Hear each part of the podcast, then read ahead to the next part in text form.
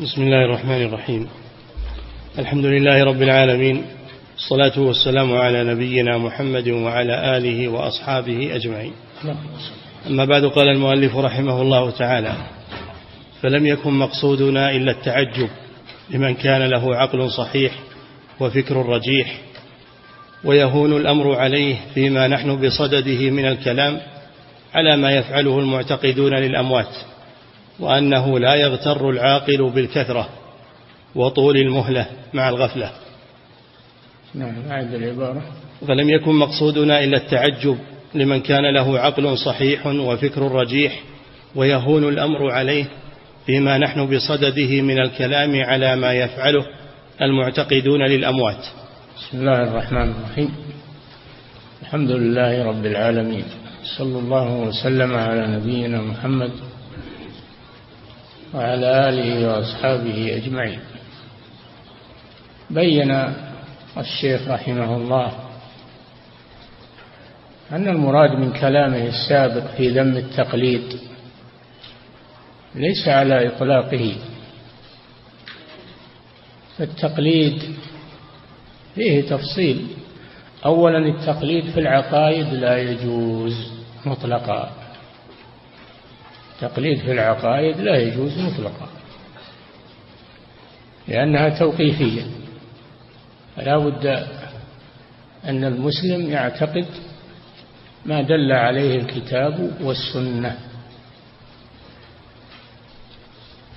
وما في كتب عقائد السلف الصالح.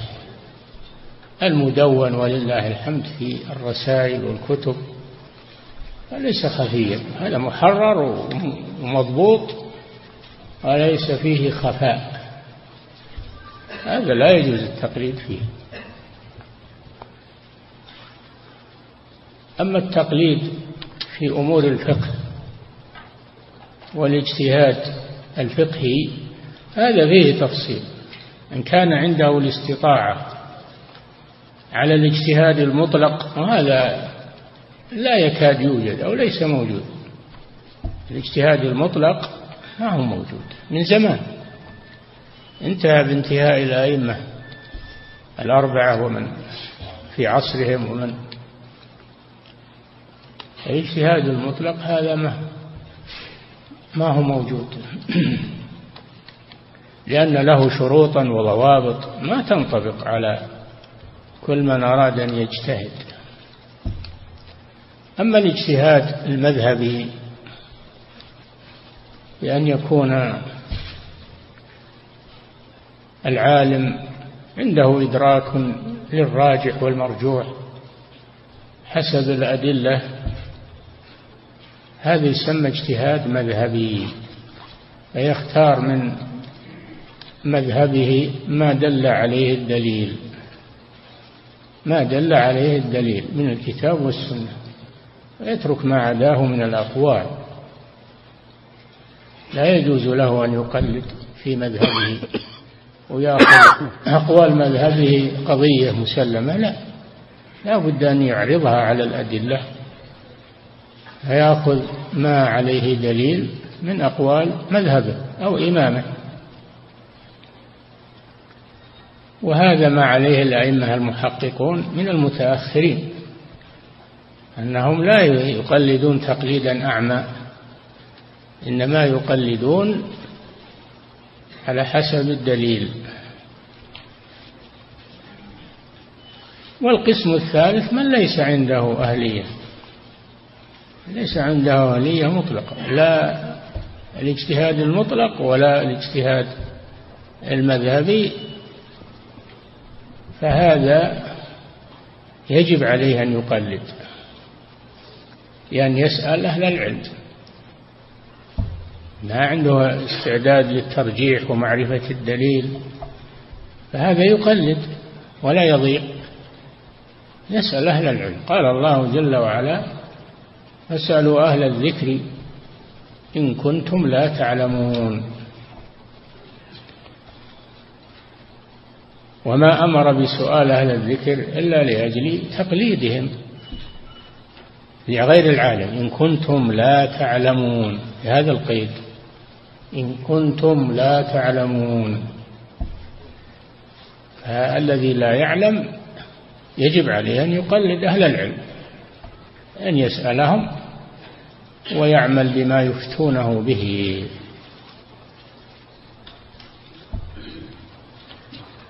وما نحن بصدده هو من النوع الأول في العقيدة. العقيدة. العقيدة توقيفية. ليس لأحد أن يجتهد فيها. توقيفية. فما يعمله القبوريون لا يعذرون فيه. لا يعذرون فيه. تقليدهم لأهل الضلال تقليدهم للمخرفين للقبوريين. للصوفية لا يعذرون في هذا العقيدة ما فيها تقليد فيها اتباع. إني تركت ملة قوم يقول يوسف عليه السلام إني تركت ملة قوم لا يؤمنون بالله لا, لا يؤمنون بالله وهم بالآخرة هم كافرون. واتبعت ملة آبائي إبراهيم وإسحاق ويعقوب. ما كان لنا أن نشرك بالله شيئا. العقيدة ليس فيها تقليد فيها اتباع. اتباع لمنهج السلف. اتبعت ملة آبائي. منهج السلف الذين سبقوك من أهل الإيمان أنت تمشي على طريقهم. فهذا ما نحن بصدده الآن. فالذين يدعون القبور والأضرحة ويقلدون المخرفين والمشعوذين ليسوا معذورين. لأن هذا ليس محلا للتقليد. نعم هذا الذي يريده المؤلف رحمه الله. نعم. فلم يكن مقصودنا إلا التعجب لمن كان له عقل صحيح وفكر رجيح ويهون الأمر عليه فيما نحن بصدده من الكلام. على ما يفعله المعتقدون للأموات. على ما يفعله المعتقدون للأموات. هذول غير معذورين. نعم. وأنه لا يغتر العاقل بالكثرة. لا لا يغتر العاقل بالكثرة. فلا يقلد من يدعو الأموات ويستغيث بهم وإن كثروا. هم كثير نعم كثير. فلا يغتر بهم وإن كثروا.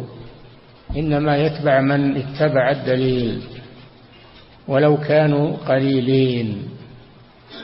لا يغتر بالكثرة وإن تطع أكثر من في الأرض يضلوك عن سبيل الله إن يتبعون إلا الظن وإن هم إلا يخرصون.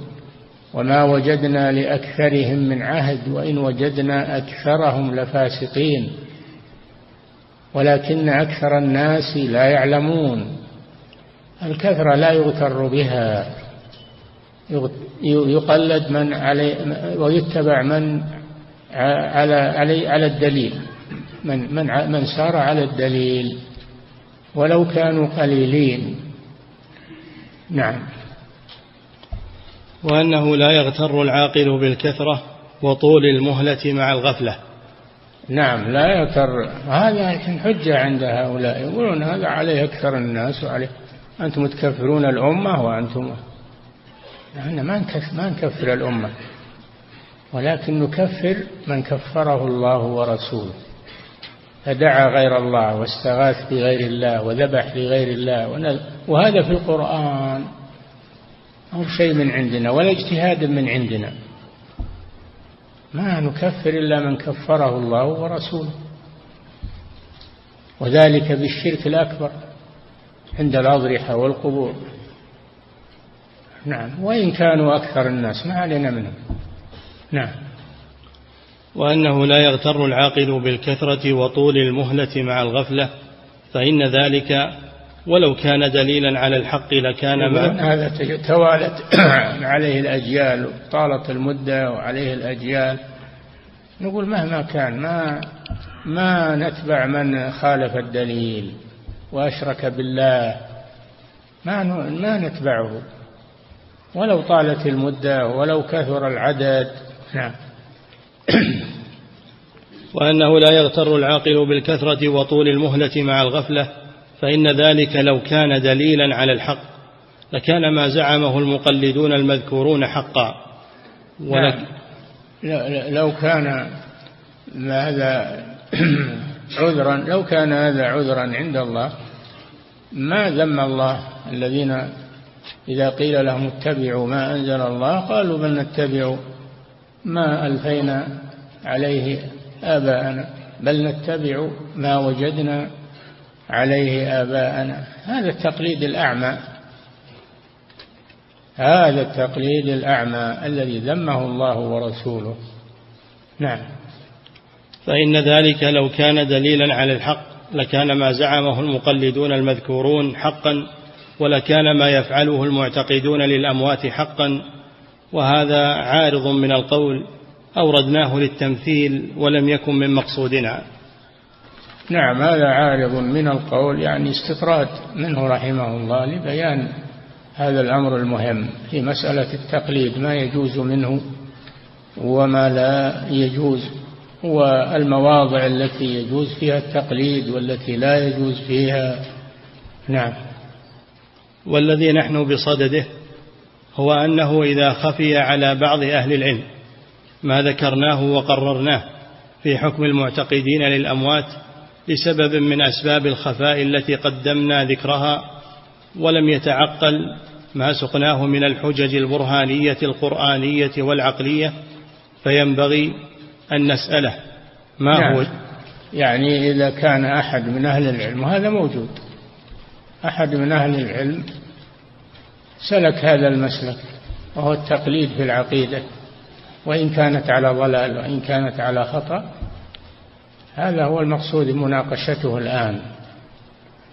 ما العلماء فيهم أهل ضلال فيهم علماء ضلال فلا يغتر بهم. قال فلان العالم الفلاني لا. ما يتبع إلا من استقام في دينه وعلمه على الحق. وإلا عندهم علماء ضلال يزينون لهم هذا الأمر ويؤلفون فيه مؤلفات كثيرة. نعم. والذي نحن بصدده هو أنه إذا خفي على بعض, على بعض أهل العلم ما ذكرناه وقررناه في حكم المعتقدين للأموات. أي نعم منهم من خفي عليه وهذا ليس بحجة.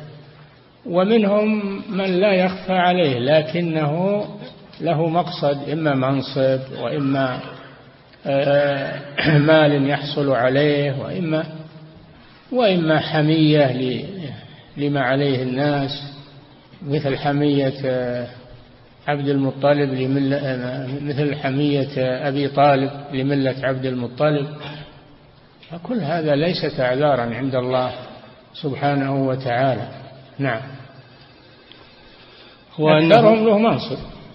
يقول لو أنا اتبعت الدليل وأردت من الناس تغيير ما هم عليه إلى الحق ما فاتنا المنصب وعاداني الناس والعياذ بالله يؤثر العاجل على الآجل مع أنه لو أحسن النية وقام بالحق لرزقه الله. ومن يتق الله يجعل له مخرجا ويرزقه من حيث لا يحتسب. وما رأينا أهل الحق ضاعوا ولله الحمد. بل رأيناهم في عز وفي كرامة وتقدير. ما رأيناهم ضاعوا. إنما هذا من الشيطان. نعم. هو أنه إذا خفي على بعض أهل العلم ما ذكرناه وقررناه في حكم المعتقدين للأموات لسبب من أسباب من أسباب الخفاء التي قدمنا ذكرها ولم يتعقل ما سقناه من الحجج البرهانية القرآنية والعقلية فينبغي أن نسأله ما هو الشرك. أي نعم. فإن قال أن تقول أن, هؤلاء على حق. هل يعبدون القبور ويتوسلون بالأموات يستغيثون بهم تقول إنهم مسلمون هم على حق. لكن نقول أخطأوا خطأ فقط. وليسوا مشركين. وإن ذبحوا لغير الله وإن نذروا لغير الله وإن استغاثوا بالأموات ما هم مشركين. نقول إذا فسر لنا الشرك. فسر لنا الشرك ما هو. فإن فسره تفسيرا صحيحا صار حجة عليه. وإن فسره تفسيرا باطلا ردته الأدلة. نعم. فينبغي أن نسأله ما هو الشرك فإن قال هو أن تتخذ مع الله إلها آخر كما كانت الجاهلية تتخذ الأصنام آلهة مع الله سبحانه. قيل له وماذا كانت الجاهلية تصنعه لهذه الأصنام التي اتخذوها حتى صاروا مشركين؟ فإن قال هو اعترف أن عباد الأصنام مشركون اعترف. فنقول له ماذا يصنعون لهذه الأصنام؟ ماذا يصنعون لها؟ يقول يذبحون لها وينذرون لها ويستغيثون بها. يقول هو كذلك عباد القبور. يذبحون لها وينظرون لها ويستغيثون بها. فلا فرق بينهم وبين المشركين. نعم. فإن قال كانوا يعظمونها ويقربون لها ويستغيثون بها نعم. وينادونها عند الحاجات وينحرون لها النحائر ونحو ذلك من الأفعال الداخلة في مسمى العبادة. نعم. فقل له لأي شيء كانوا يفعلون لها ذلك. فإن قال لكونها الخالقة الرازقة أو المحيية أو المحيية أو المميتة فاقرأ عليه ما قدمنا لك من البراهين القرآنية المصرحة بأنهم مقرون بأن الله الخالق الرازق المحيي المميت وأنهم إذا قال المعترض ما يفعله المشركون في الجاهلية مع الأصنام إنما هو أنهم يعتقدون فيهم الربوبية يعتقدون أنهم يخلقون ويرزقون ويدبرون. فهذا كذب. القرآن يكذب هذا. الله أخبر أنهم يقرون بتوحيد الربوبية وأنهم لا لا يعتقدون فيها أنها تخلق وترزق وتدبر. وإنما يعتقدون فيها أنها تقربهم إلى الله زلفى وأنها تشفع لهم عند الله وهذا ما عليه القبوريون الآن. لا فرق. نعم. فإن قال لكونها الخالقة الرازقة أو المحيية أو المميتة هذا كذب. نعم. فاقرأ عليه ما قدمنا لك من البراهين القرآنية المصرحة بأنهم مقرون بأن الله الخالق الرازق المحيي المميت وأنهم إنما عبدوها لتقربهم إلى الله زلفى. نعم.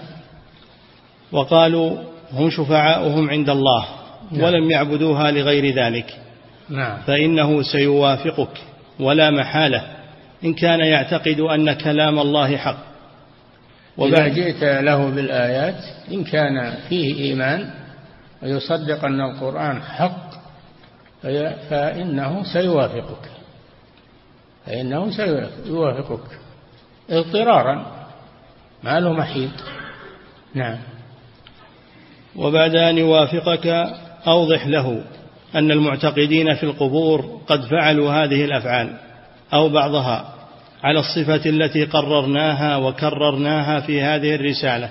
أنهم ما ما يعبدون القبور من أجل أنها تخلق وترزق وتدبر الأمر إنما عبدوها لأنها تشفع لهم عند الله وأن الأموات يقربوه يقربونهم إلى الله زلفى ويقولون هؤلاء رجال صالحون لهم مكانة عند الله فيشفعون لنا عنده ويقربون إليه. هذا هو عين ما فعله المشركون الأولون نعم. وبعد أن يوافقك أوضح له أن المعتقدين في القبور قد فعلوا هذه الأفعال أو بعضها على الصفة التي قررناها وكررناها في هذه الرسالة فإنه إن بقي فيه بقية من إنصاف وبارقة من علم وحصة من عقل فهو لا محالة يوافقك. نعم. فهو لا محالة يوافقك وتنجلي عنه الغمرة. إذا كان يريد الحق سيوفقك وسينجلي عنه الشبهات فيكون من أهل التوحيد الخالص لأنك بينت له ذلك. نعم.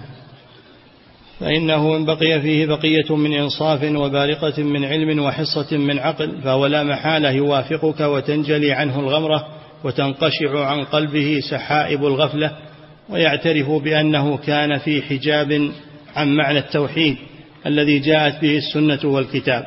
يعترف أنه مخطئ وأنه على غير حق. نعم. فإن زاغ عن الحق وكابر وجادل فإن جاءك في مكابرته ومجادلته بشيء من الشبه فادفعه بالدفع الذي قد ذكرناه فيما سبق. إي نعم. فإن السلاح معك السلاح معك من الأدلة والبراهين هو ما معه إلا شبهات. نعم. فإن جاءك في مكابرته ومجادلته بشيء من الشبه فادفعه بالدفع الذي قد ذكرناه فيما سبق فإنا لم ندع شبهة يمكن أن يدعيها مدع إلا وقد أوضحناها إلا وقد أوضحنا أمرها.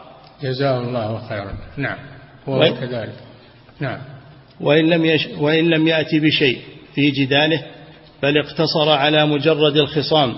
والدفع المجرد لما أوردته عليه من الكلام فاعدل معه عن حجة اللسان بالبرهان والقرآن إلى محجة السيف والسنان.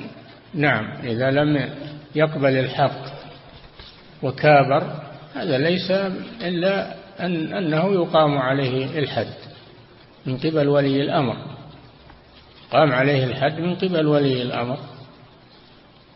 وإن كانوا جماعة لهم شوكة يقاتلون. قاتلهم ولي الأمر. ما هو بالأفراد يقتلونهم لا ولي الأمر. فإن الله جعل السيف لمن عاند وكابر والحجة لمن يقبل الحجة. أما من عاند وكابر فهذا ليس له إلا سيف الجهاد في سبيل الله كما جاء جاهد الرسول صلى الله عليه وسلم المشركين وقاتلهم لما أبوا قبول الحق. نعم. وإن لم يأتي بشيء في جداله بل اقتصر على مجرد الخصام والدفع المجرد لما أوردته عليه من الكلام فاعدل معه عن حجة اللسان بالبرهان والقرآن إلى محجة السيف والسنان فآخر الدواء الكي. قال الله تعالى ولقد أرسلنا رسلنا بالبينات وأنزلنا معهم الكتاب والميزان ليقوم الناس بالقسط وأنزلنا الحديد. فيه بأس شديد ومنافع للناس. فالحديد لمن أبى أن يقبل الحق وكافر بعد ما تبين له. ما له إلا الحديد وهو السيف والجهاد في سبيل الله. نعم. فاعدل معه عن حجة اللسان بالبرهان والقرآن إلى محجة السيف والسنان فآخر الدواء الكي هذا إذا لم يكن دفعه بما هو دون ذلك من الضرب والحبس والتعزير. نعم. فإن أمكن وجب تقديم الأخف على الأغلظ. إذا أمكن أنه بالتأديب والتعزير يرجع فإنه يعمل معه الأخف. وإن لم يرجع ويكف شره فلا بد من السيف والجهاد في سبيل الله كما فعل النبي صلى الله عليه وسلم مع المشركين. نعم. بعد أن بين لهم ووضح لهم ودعاهم إلى الله فأصروا ولم يقبلوا أمره الله بالجهاد. نعم. هذا إذا لم يكن دفعه بما هو دون ذلك من الضرب والحبس والتعزير فإن أمكن وجب تقديم الأخف على الأغلظ عملا بقوله تعالى فقولا له قولا لينا لعله يتذكر أو يخشى. قال الله لموسى وهارون عليهما السلام لما أرسلهما إلى فرعون وهو يدعي الربوبية قال فأتياه فأتياه. فقولا له قولا لينا لعله يتذكر أو يخشى. إذا كان فرعون وهو يدعي الربوبية يقال له القول اللين في دعوته هذا فمن باب أولى غيره ممن يدعي الإسلام أنه يؤتى بالتي هي أحسن جادلهم بالتي هي أحسن فإن أجدى فيه وإلا يصار إلى الحسم وآخر الطب الكي كما قال. نعم. وبقوله قولا له شوف فأتياه. لا بد من الاتصال بالولاة إذا أخطأوا.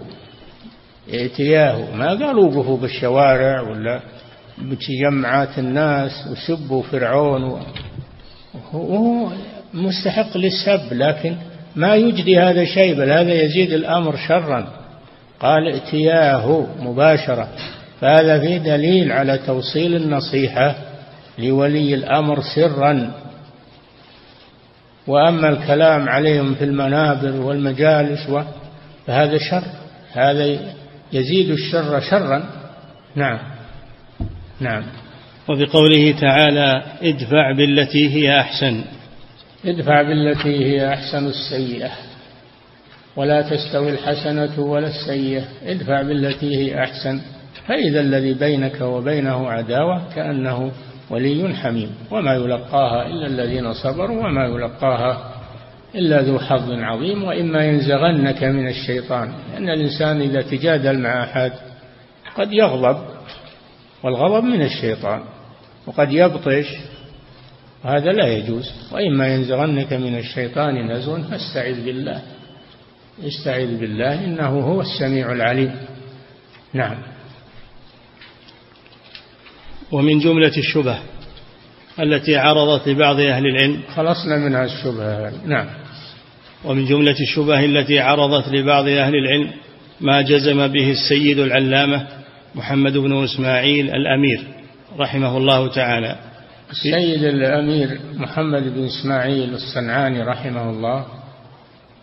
هذا من أهل التوحيد والعقيدة الصحيحة وله الرسالة التي قرأناها تطهير الاعتقاد عن أدران الإلحاد وهي رسالة قيمة تشابه رسالة الدر النضيد للشوكاني يعني تماما. تماما تشابهها. ولما بلغه عن دعوة الشيخ محمد بن عبد الوهاب رحمه الله ما بلغه سر بذلك لأنه وافق ما عنده. وافق ما عنده فسر بذلك. وبعث بقصيدة إلى الشيخ يقول فيها سلامي على نجد ومن حل في نجدي وإن كان تسليمي على البعد لا يجدي وقال في الشيخ قفي واسألي عن عالم حل سوحها به يهتدي من ضل عن منهج الرشد. لقد جاءت الأخبار عنه بأنه يبين لنا الشرع الشريف بما يبدي إلى آخرها.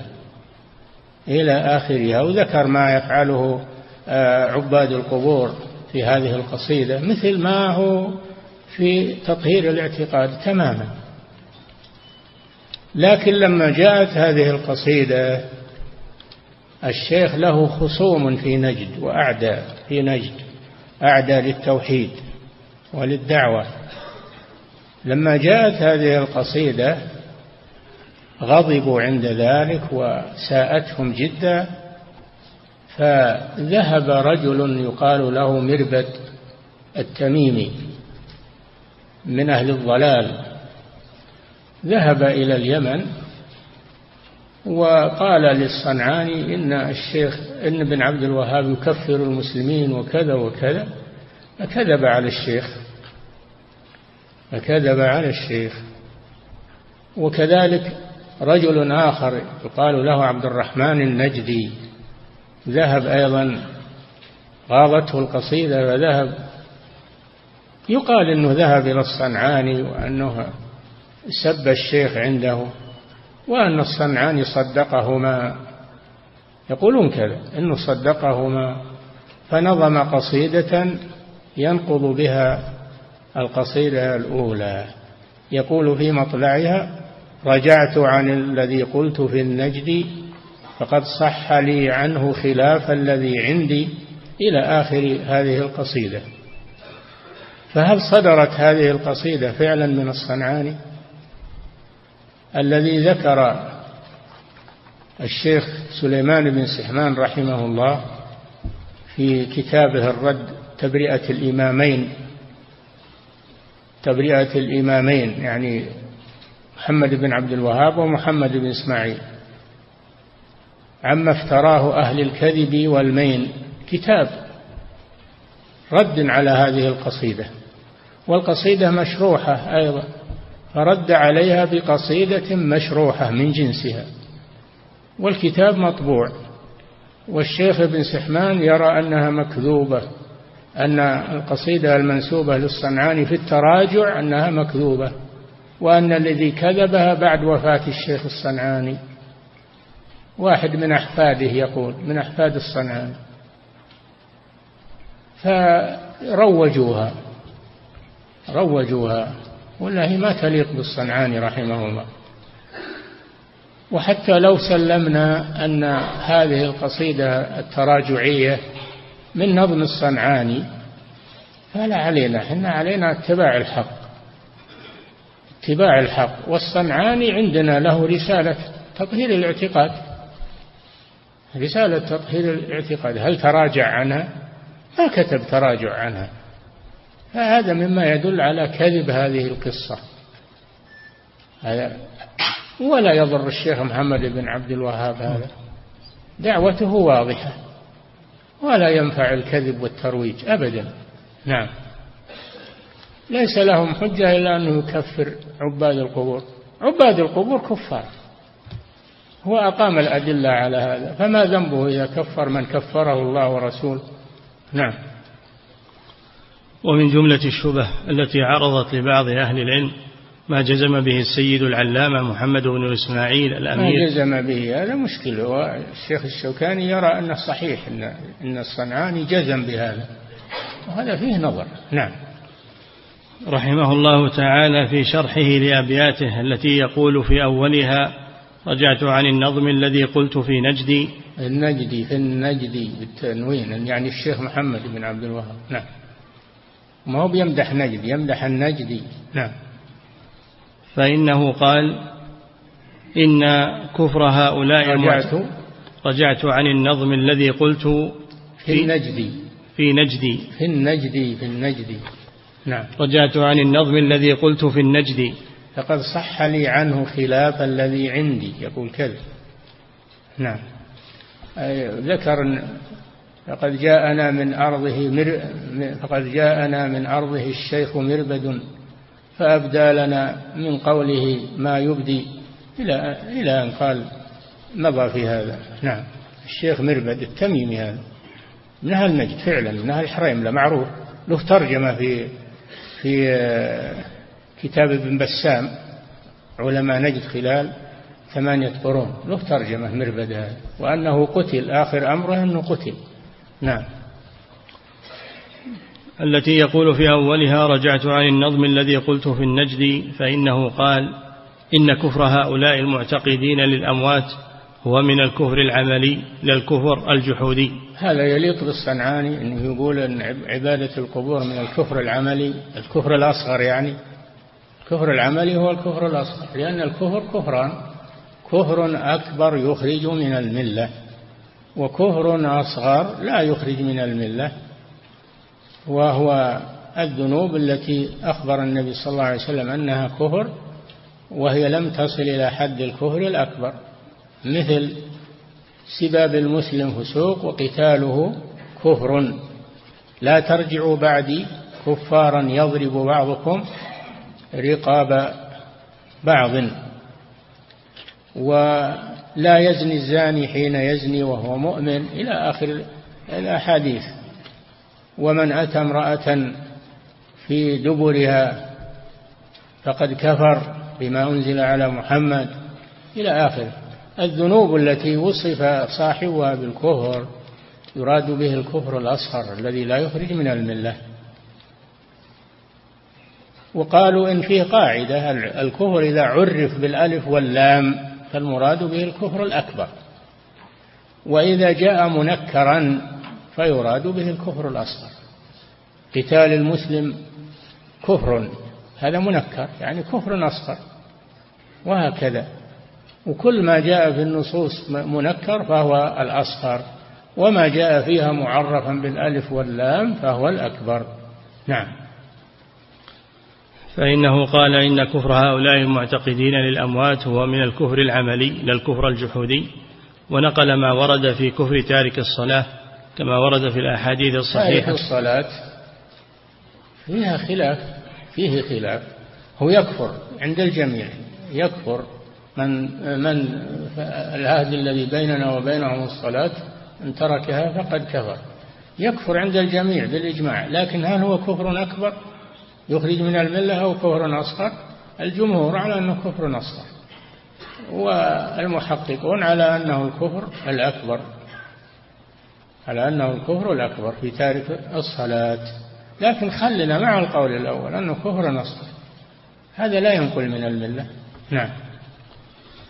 ونقل ما ورد في كفر تارك الصلاة كما ورد في الأحاديث الصحيحة وكفر تارك الحج في قوله نعم.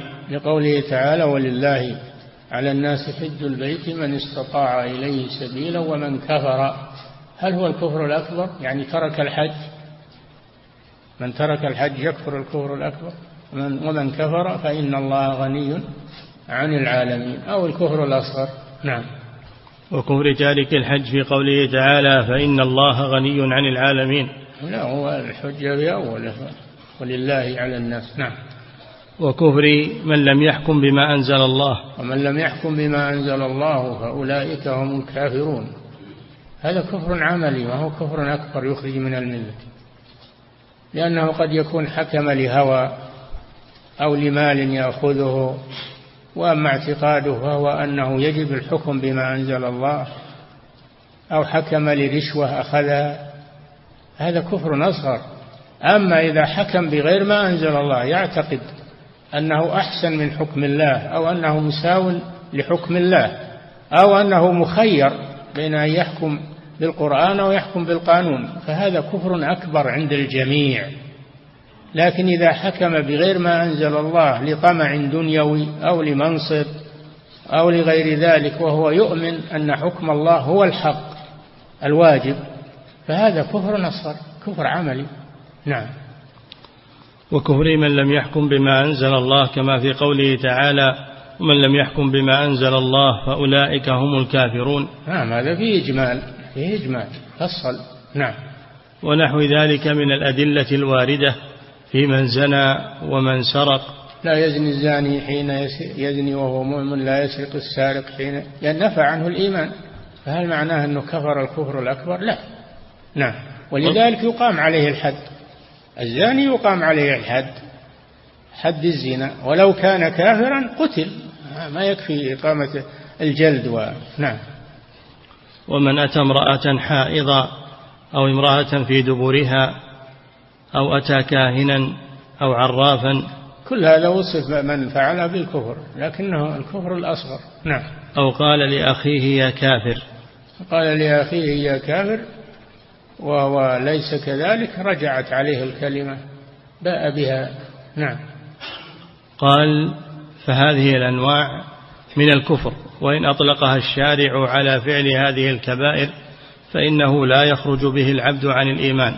نحن معه في هذا أنه ما يكفر ولا يخرج من الإيمان وهذا كفر أصغر. لكن هل دعاء غير الله والاستغاثة بالأموات والذبح لهم والنذر لهم مثل الزنا والسرقة و... وقول لأخيه يا كافر ما هو مثل بعيد. بينهم فرق؟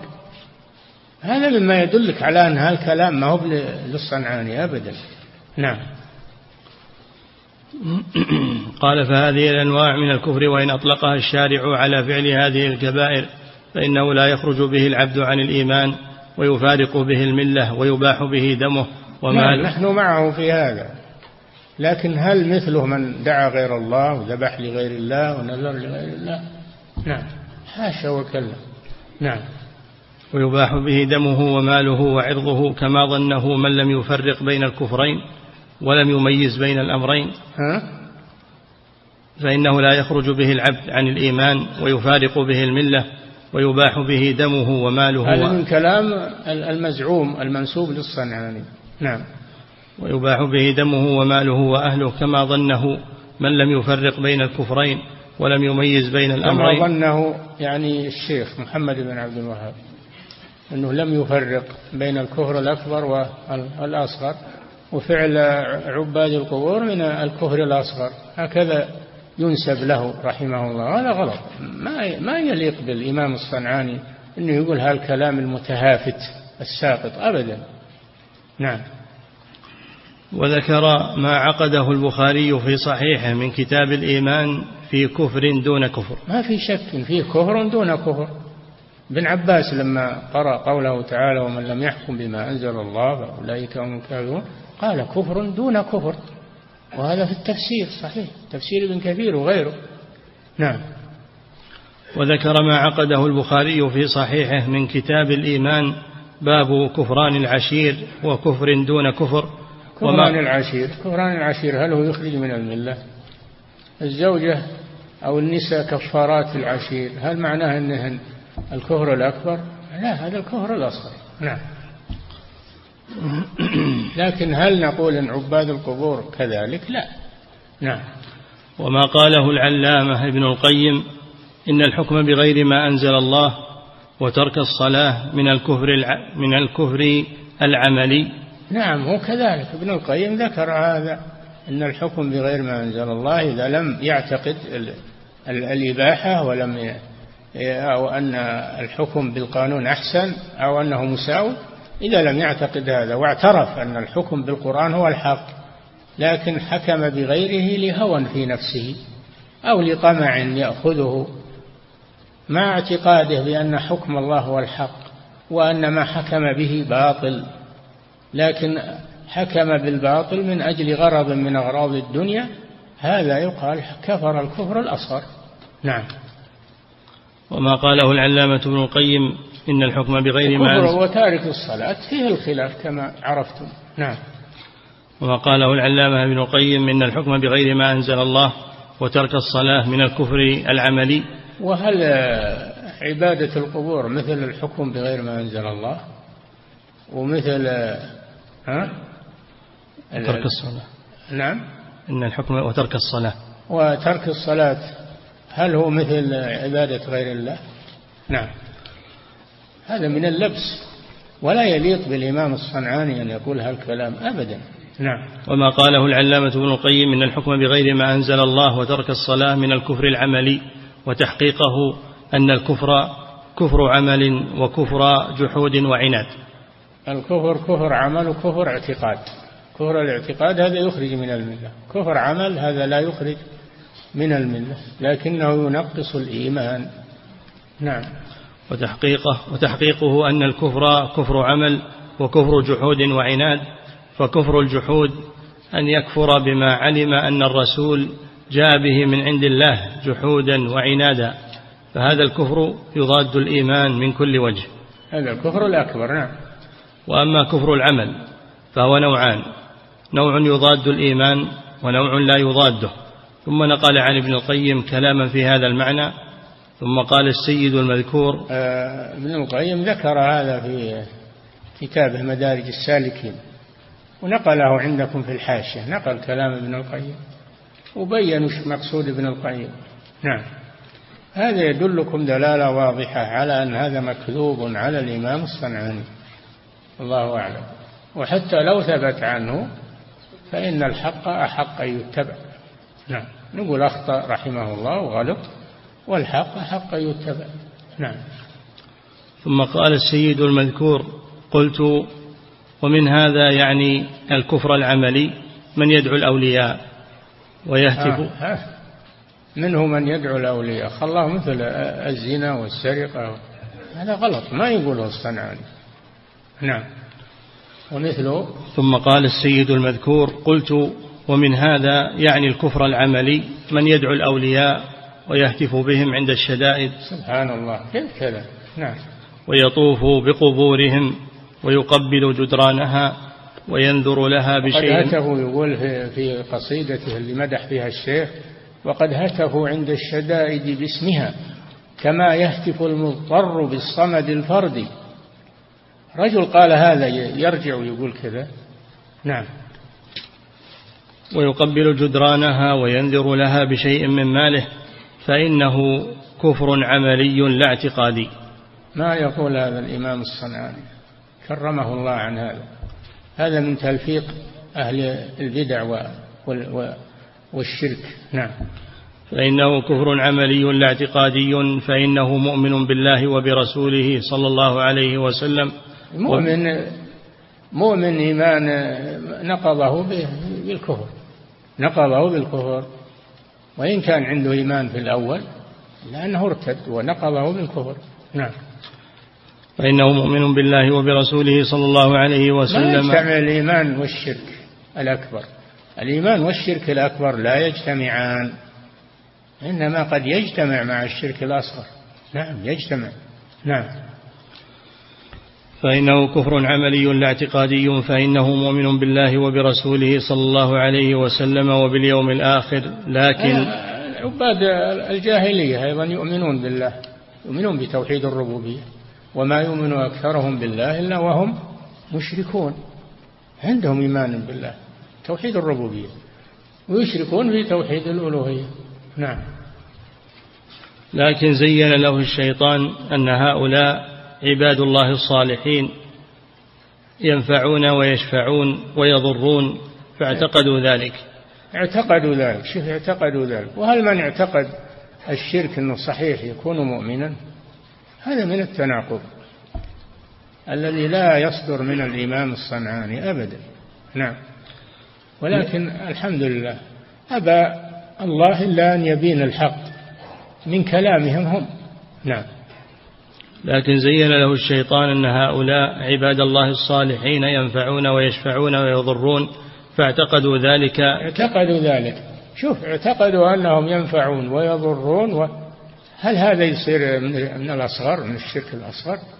من اعتقد أن, أن, غير الله يضر وينفع فهذا من الشرك الأكبر.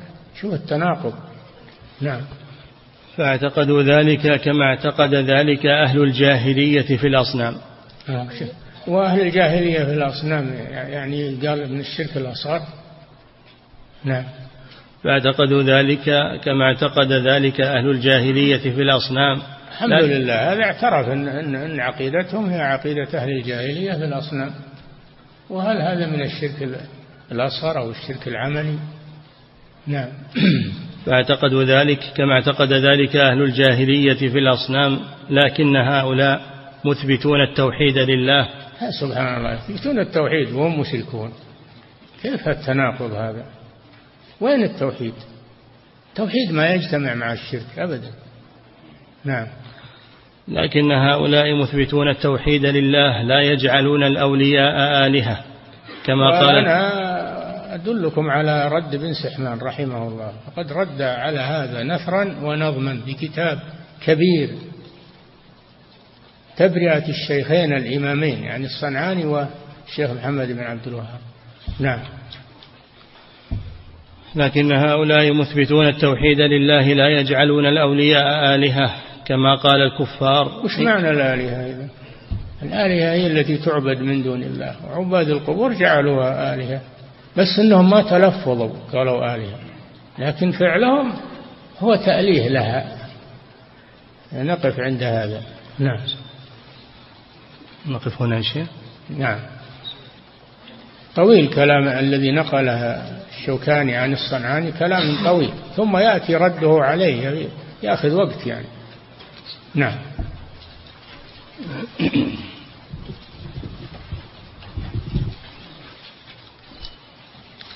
فضيلة الشيخ وفقكم الله. حفظك الله أسئلة كثيرة تسأل عن القاعدة أن الكفر إذا أتى بالألف واللام فإنه يكون الكفر الأكبر. نعم. ويقولون في قوله سبحانه ومن لم يحكم بما أنزل الله فأولئك هم الكافرون. الكفر ما هو بالاسم الكفر الكفر. أولئك هم الكافرون. هذا اسم فاعل. نقول إذا جاء الكفر ما هو بالكافر؟ الكفر. إذا جاء معرفا بالألف واللام فهو الأكبر. نعم. فضيلة الشيخ وفقكم الله.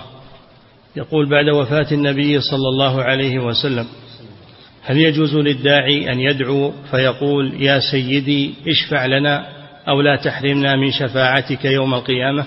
قاصدا بذلك النبي صلى الله عليه وسلم صلى الله عليه وسلم بعد موته لا يطلب منه شيء. لا يطلب منه شيء بعد موته. كل الأموات لا يطلب منهم شيء بعد موتهم لا الرسول ولا غيره. ولهذا ما يبين لكم هذا أن الصحابة لما أجدبوا ما بينهم وبين قبر الرسول إلا أمتار ما راحوا لقبر الرسول وقالوا ادعوا الله لنا بالغيث. قالوا للعباس اللي معهم حاضر يا يا عباس إن كنا إذا أجدبنا إذا أجنب إذا أجدبت الأرض طلبنا من النبي صلى الله عليه وسلم أن يستسقي لنا. فاستسقي لنا. فاستسقى لهم العباس. فسقاهم الله عز وجل. لماذا عدلوا عن الرسول صلى الله عليه وسلم وما بينهم إلا أمتار بين قبره؟ وذهبوا إلى العباس. لأن العباس حي حاضر معهم ويقدر على الدعاء. وأما الرسول فهو ميت ولا يقدر على الدعاء ولا يطلب من شيء بعد الدعاء بعد الموت. نعم. فضيلة الشيخ وفقكم الله هل يصح الاستدلال على عدم جواز التقليد في العقائد بحديث عذاب القبر ونعيمه؟ وفيه قوله لا أدري سمعت الناس يقولون قولا فقلت مثله.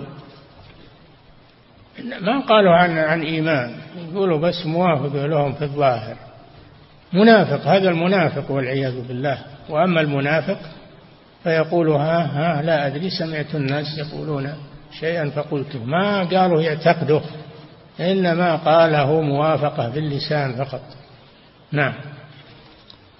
فضيلة الشيخ وفقكم الله هل الأعاجم والعوام يجوز لهم أن يقلدوا في الاعتقاد؟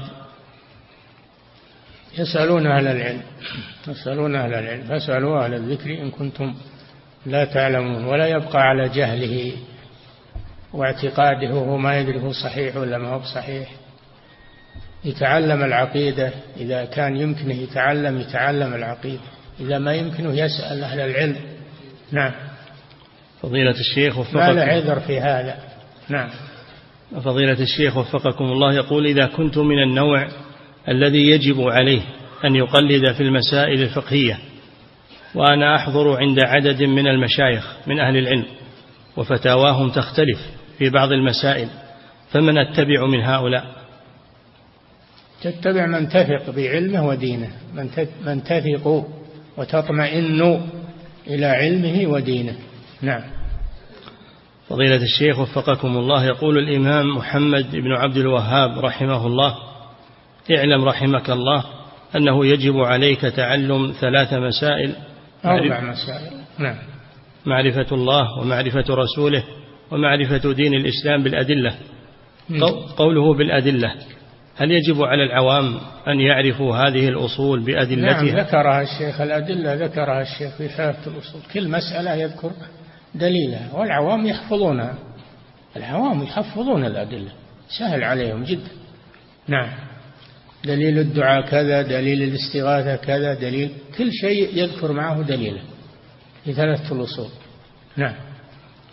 فضيلة الشيخ وفقكم الله شيخ الإسلام ابن تيمية رحمه الله هل هو مجتهد مطلق أو هو مجتهد مذهبي؟ شيخ الإسلام وابن القيم هؤلاء حنابلة.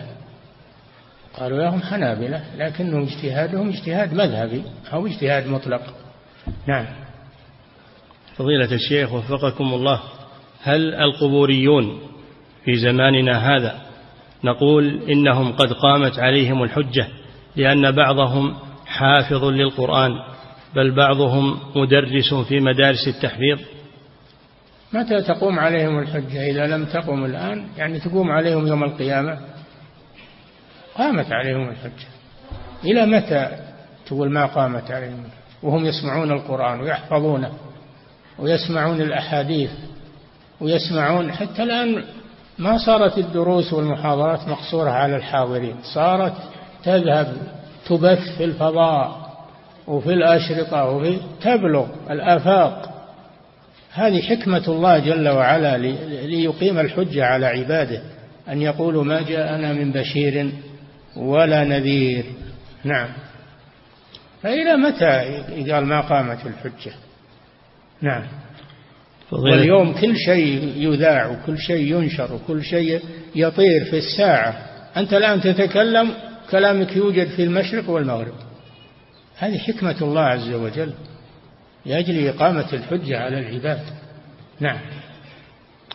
فضيلة الشيخ وفقكم الله هل يجب على المبتدئ أن يقلد على مذهب معين أو يجوز له أن يأخذ بشيء من مذهب وشيء آخر من مذهب. هل, إيش؟ هل يجب على المبتدئ؟ مبتدئ؟ نعم. أو المبتدع؟ لا بالياء مبتدئ. أي, أي نعم. أن يقلد على مذهب معين. هذا المبتدئ يدرس يدرس الله يصلحكم يدرس على العلماء. يدرس على العلماء وتعلم وبعدين يعرف الحق إن شاء الله. لازم من الدراسة. نعم. فضيلة الشيخ وفقكم الله هل معنى قول السلف رحمهم الله إن آيات الصفات لا تفسر؟ هل معنى ذلك؟ ما قالوا لا تفسر ما قالوا لا تفسر. يقولون تقر على ما معناها ولكن لا قولهم من غير تفسير يعني لكيفيتها. كيفيتها ما تفسر أما معناها فيفسر ويوضح. نعم. أمروها من غير تفسير يعني لبيان كيفيتها؟ هذه ما يعلمها إلا الله. لكن المعنى نحن نعلمه من لغتنا. نعم. فضيلة الشيخ وفقكم الله يقول السائل هناك رجل وذكر اسمه يقول إن تقسيم التوحيد قد اخترعه ابن تيمية ومحمد ابن عبد الوهاب وذلك هذا اختراع مفيد. هذا اختراع مفيد. إذا كان أنه من اختراع ابن تيمية هو اختراع مفيد لأنه مطابق للقرآن والسنة. نعم. فضيلة الشيخ وفقكم الله. يقول هل يجوز أن نقول إن الله سبحانه لم يخلق شرا محضا؟ نعم. الله لم يخلق شرا محضا. إنما خلق الشر الذي ترتب عليه خير. ما خلق الشر لذاته إنما لما يترتب عليه من الخير والفوائد. نعم. فضيلة الشيخ وفقكم الله يقول هل يصح أن يقال إن النبي صلى الله عليه وسلم هو مفت؟ وما معنى هل يصح أن يقال إن النبي صلى الله عليه وسلم يعد من المفتين؟ وما معنى مفتي؟ حيث أفهم أن المفتي هو الذي يخطئ ويصيب. المفتي هو المخبر عن الحكم الشرعي.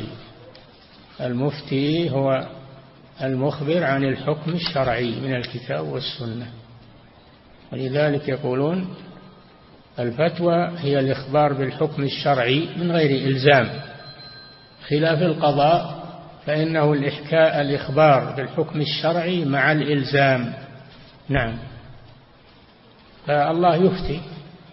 قل الله يفتيكم في الكلالة ويفتيكم في النساء. فالله يفتي والرسول يفتي بمعنى أنه يخبر عن الحكم الشرعي. نعم.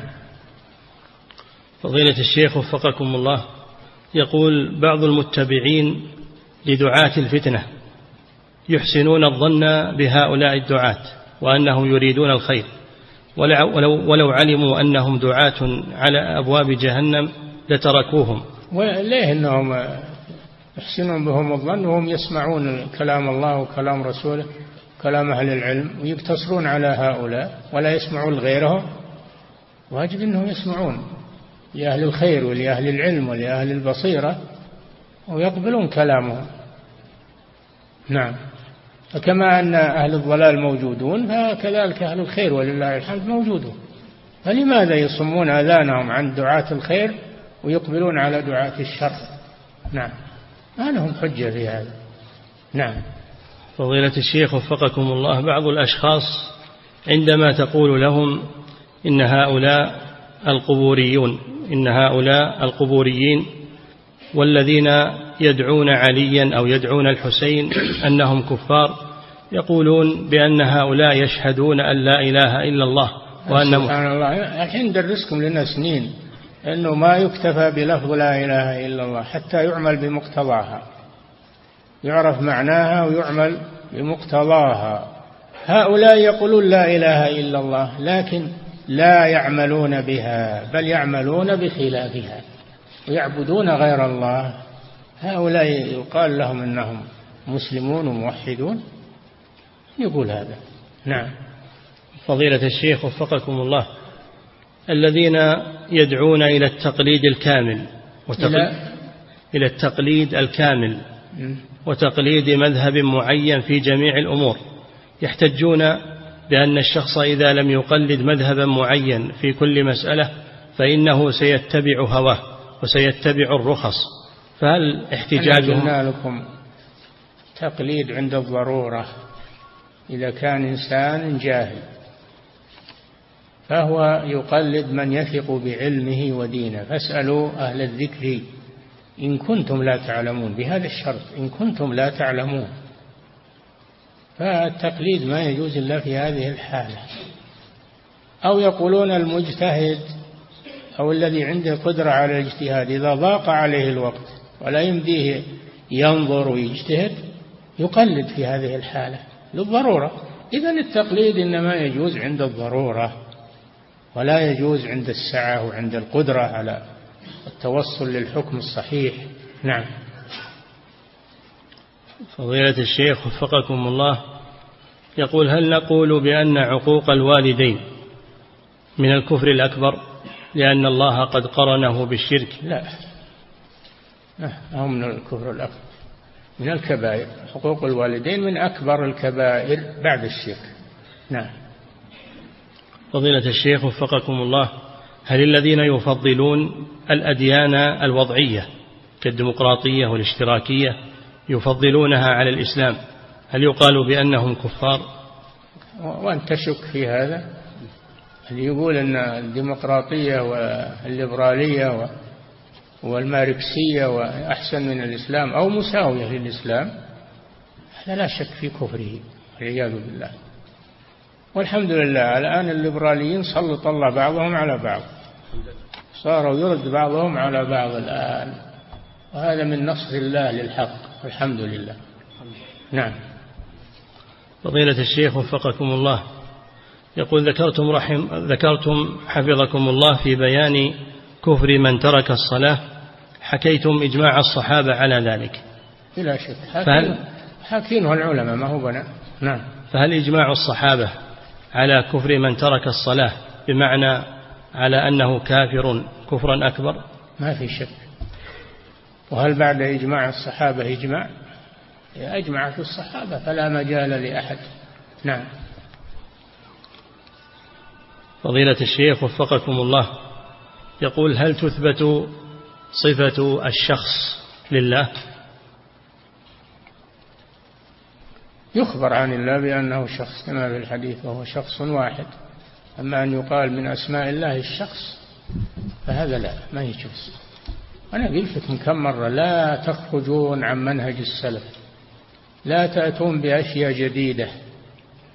اتبعوا منهج السلف فما قاله السلف تقولون به وما لم يقولوه توقفوا عنه. فقد كفيتم والحمد لله. نعم. فضيلة الشيخ وفقكم الله يقول بعض طلبة العلم عندما أقول له عندما أقول له إن العالم الفلاني قد أخطأ في كذا يقول لا هو أعلم مني ومنك. إيه أنت لا تقول للناس فلان أخطأ في كذا والعالم فلان يخطأ في كذا وكذا. يعني هذا ما يترتب عليه. إلا إلا ضرر. ولكن إذا كان عندك علم وتبين الخطأ هذا لا بأس. بين الخطأ. نعم. أما أنك تحسب المجالس وفلان أخطأ بكذا وفلان ما يجوز. هذا نعم. فضيلة الشيخ وفقكم الله. يقول ما معنى كلام الشيخ محمد بن عبد الوهاب رحمه الله حين قال إن أكثر ما إن أكثر ما في الفروع وغيره من كتب المتأخرين هو مخالف للمنصوص عن الإمام أحمد رحمه الله. نعم. هو كل ما في كتب المذهب كله من كلام الإمام أحمد. تخريجات وتقعيد و هو كله من كلام الإمام أحمد. لكن يقعدون يخرجون على كلامه وعلى مذهبه.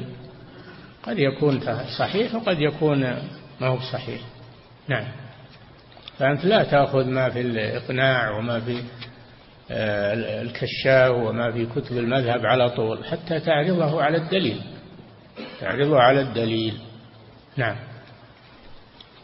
فضيلة الشيخ وفقكم الله. يقول ما الحكم في من أتى كاهنا فسأله وهو لا يعرف الحكم في ذلك أي يجهل الحكم في المسألة؟ من هو المسؤول يعني؟ الذي أتى الكاهن.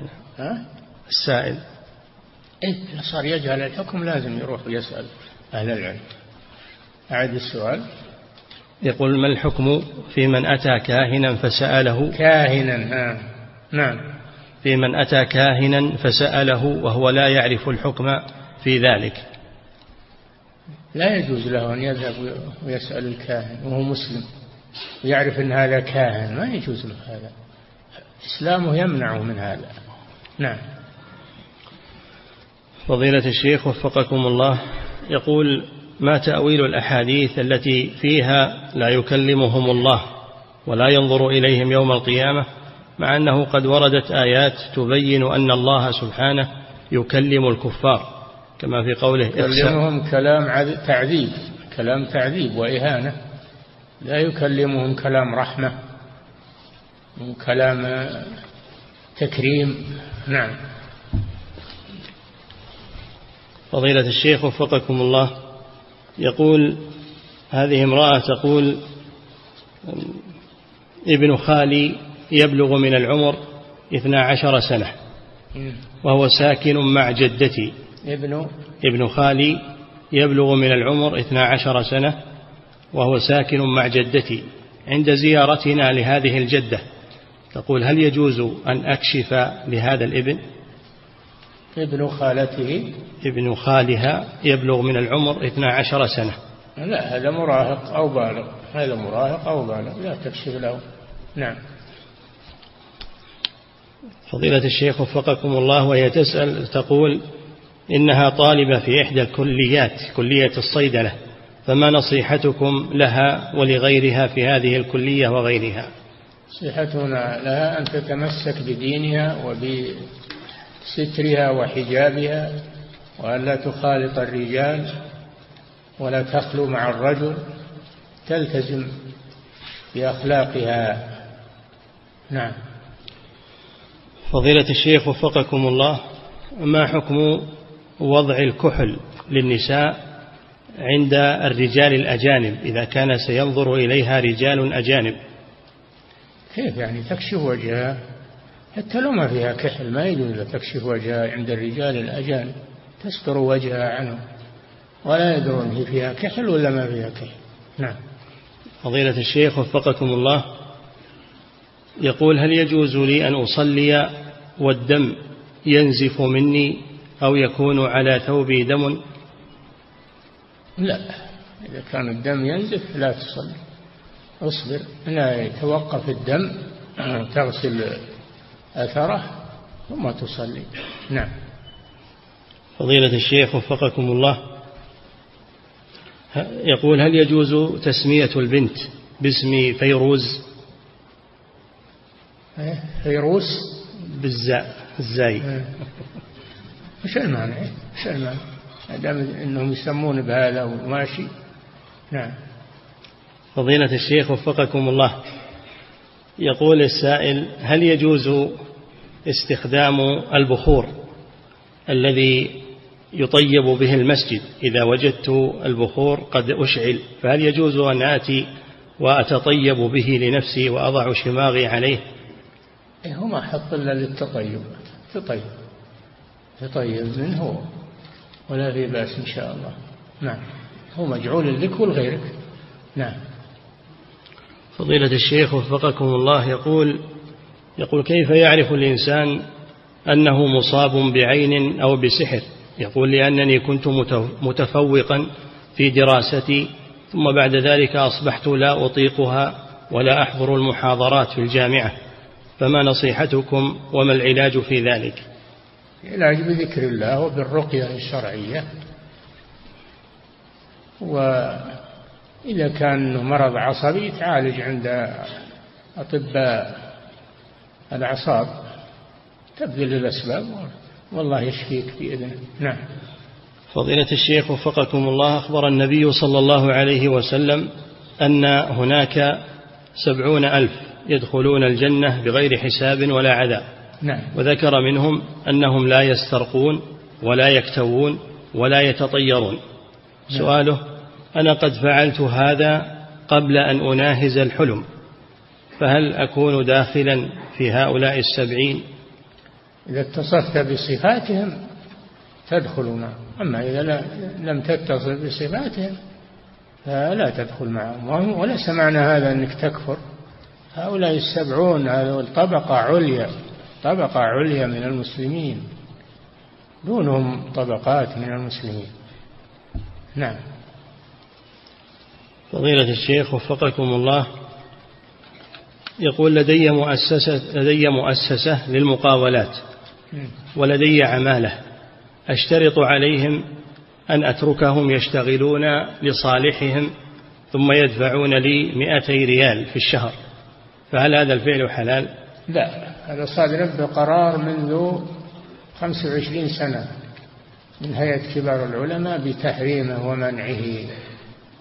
إما أن تأتي بالعمال لعمل عندك وإما أن لا لا تستخدم عمال لأجل استغلالهم تشغيلهم عند الناس وتأخذ من تعبهم. لا هذا ممنوع. ممنوع نظاما وممنوع شرعا. نعم. فضيلة الشيخ وفقكم الله. يقول امرأة في الثلاثين من عمرها وجلد وجهها منكمش فهل لها أن تحقن جلد وجهها لينفرد؟ لينفرد ويصبح حسنا؟ إذا كان له علاج مباح إذا كان له علاج مباح لا بأس. نعم. فضيلة الشيخ وفقكم الله يقول رجل من جنسية معينة وفي الزواج عندهم المرأة هي التي تدفع للرجل المهر. وهذا في أعرافهم. سؤاله هل يجوز مساعدة هذا الرجل من أجل تزويج بناته ليدفع المهر عنهن؟ إذا إذا كان ما يتزوج إلا أنه يدفع يساعد على على ذلك. نعم. ولا تجلس بناته بدون أزواج. نعم. فضيلة الشيخ وفقكم الله رجل طلق زوجته وأثناء العدة طلبت منه أن يراجعها مقابل تنازل. رجل, رجل طلق زوجته وأثناء العدة طلبت منه أن يراجعها مقابل تنازلها عن حق المبيت. وفعلا قام بمراجعتها. سؤالها هل عليه إثم في ذلك؟ لا ليس عليه تنازلت عن حقها ليس عليه إثم في ذلك. تنازلت أم المؤمنين سودة. عن ليلتها لعائشة فالنبي صلى الله عليه وسلم أقرها على ذلك. نعم. فضيلة الشيخ وفقكم الله يقول ما حكم إعطاء تارك الصلاة؟ إعطاؤه مالا من باب معاونته. ما حكم ما حكم إعطاء تارك الصلاة مالا من باب مساعدته لما حصل عليه حادث مروري؟ ما حكم إيش؟ إعطاء تارك الصلاة مالا. من باب مساعدته. لما إذا تاب إذا تاب إلى الله وحافظ على الصلاة تساعده نعم. فضيلة الشيخ وفقكم الله هذا سائل من خارج هذه البلاد يقول هل يجوز أن يلتقي الرجل المؤمن بالفتاة المؤمنة من أجل, من أجل النظر إليها وخطبتها بشهود الشهود ولكن ليسوا بمحارم للمرأة لأنه لا يوجد لها محارم؟ كيف السؤال هذا؟ ما يجوز النظر إلى الأجنبية إلا من يريد خطبتها. من يريد خطبتها ينظر إليها. إن صلحت له خطبها وإلا تركها. من يريد خطبتها ولا يحتاج شهود. يخلو معها مع وليها أو مع محارمها وينظر إليها. ما يخلو بها وحدها. بل مع وجود محرمها. وينظر إلى وجهها إلى كفيها إلى رأسها ما يرغبه فيها. نعم. فضيلة الشيخ وفقكم الله يقول ولي ما له ولي؟ ما له ولي المحكمة تتولى العقد لها. نعم. فضيلة الشيخ وفقكم الله يقول سلمت قبل الإمام ناسيا ثم سلمت معه مرة أخرى. ما يخالف إذا رجعت إذا سلمت ناسي ورجعت وسلمت بعده صحت صلاتك. نعم. فضيلة الشيخ وفقكم الله يقول قلت لأحد إخوتي سأعطيك مئة ريال هبة. ثم بدا لي أن أعطيه خمسين فقط إذا جاء ليأخذها. فهل هذا يعد رجوعا في الهبة؟ لا. رجوع في الهبة إذا قبضها. إذا قبضها ما يجوز لك الرجوع فيها. أما قبل أن يقبضها فلك أن تتراجع عنها أو عن بعضها. نعم.